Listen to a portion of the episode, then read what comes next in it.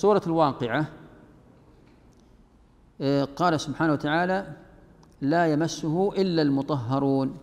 آه، نؤكد أيضا على قضية ترابط الآيات. نلاحظ الله أن الله سبحانه وتعالى قال قبل هذه الآيات فلا أقسم بمواقع النجوم وإنه لقسم لو تعلمون عظيم إنه لقرآن كريم. في كتاب مكنون قرآن وصف بأنه كريم كثير الخيرات. في كتاب مكنون أي محفوظ وهو اللوح المحفوظ. لا يمسه إلا المطهرون هم الملائكة. أما أما الشياطين فإنها لا تستطيع أن تصل إلى هذا المكان المكنون ولا أن تصل إلى هذا القرآن العظيم وأنه بأيدي ملائكة آه، مشرفين مكرمين. آه، قال لا يمسه إلا المطهرون آه، تنزيل لا يمسه إلا المطهرون. قال و أي لا يقربه إلا ملائكة مطهرون. وعلى هذا يفهم من هذا أنه لا يمس إذا كان لا يمسه إلا طاهر من الملائكة فإنه كذلك لا يمسه إلا طاهر من البشر. وهذا يؤيد هذه الآية حديث النبي صلى الله عليه وسلم أن لا يمس القرآن إلا طاهر. فمس القرآن يحرم على الإنسان أن يمسه وهو على غير طهارة. أما قراءته فلا بأس أن يقرأ وإن كان على غير طهارة إلا أن يكون جنبا. إلا أن يكون جنبا. فإن كان جنبا فيحرم عليه قراءة القرآن. ولو من صدره حتى يرتفع الحدث الأكبر ويغتسل. أما إن كان على طهارة صغرى كأن يكون محدثا فإنه لا يلزمه أن يت... لا يلزمه أن يتوضأ للقراءة.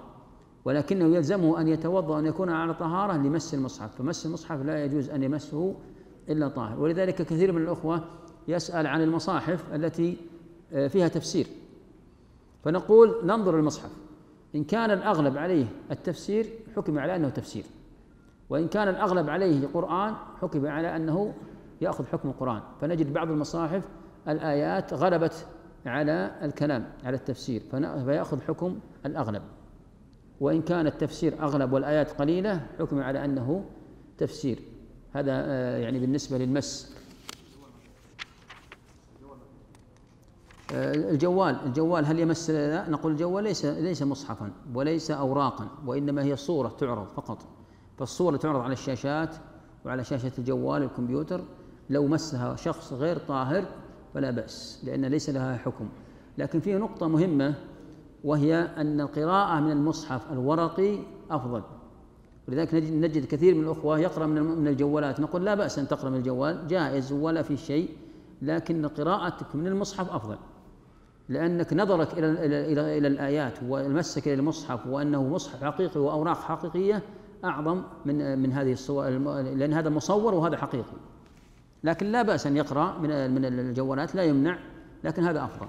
يعني لو لو أن الإنسان تيسر له أن يأخذ المصحف ومعه جوال فنقول خذ المصحف أفضل لك.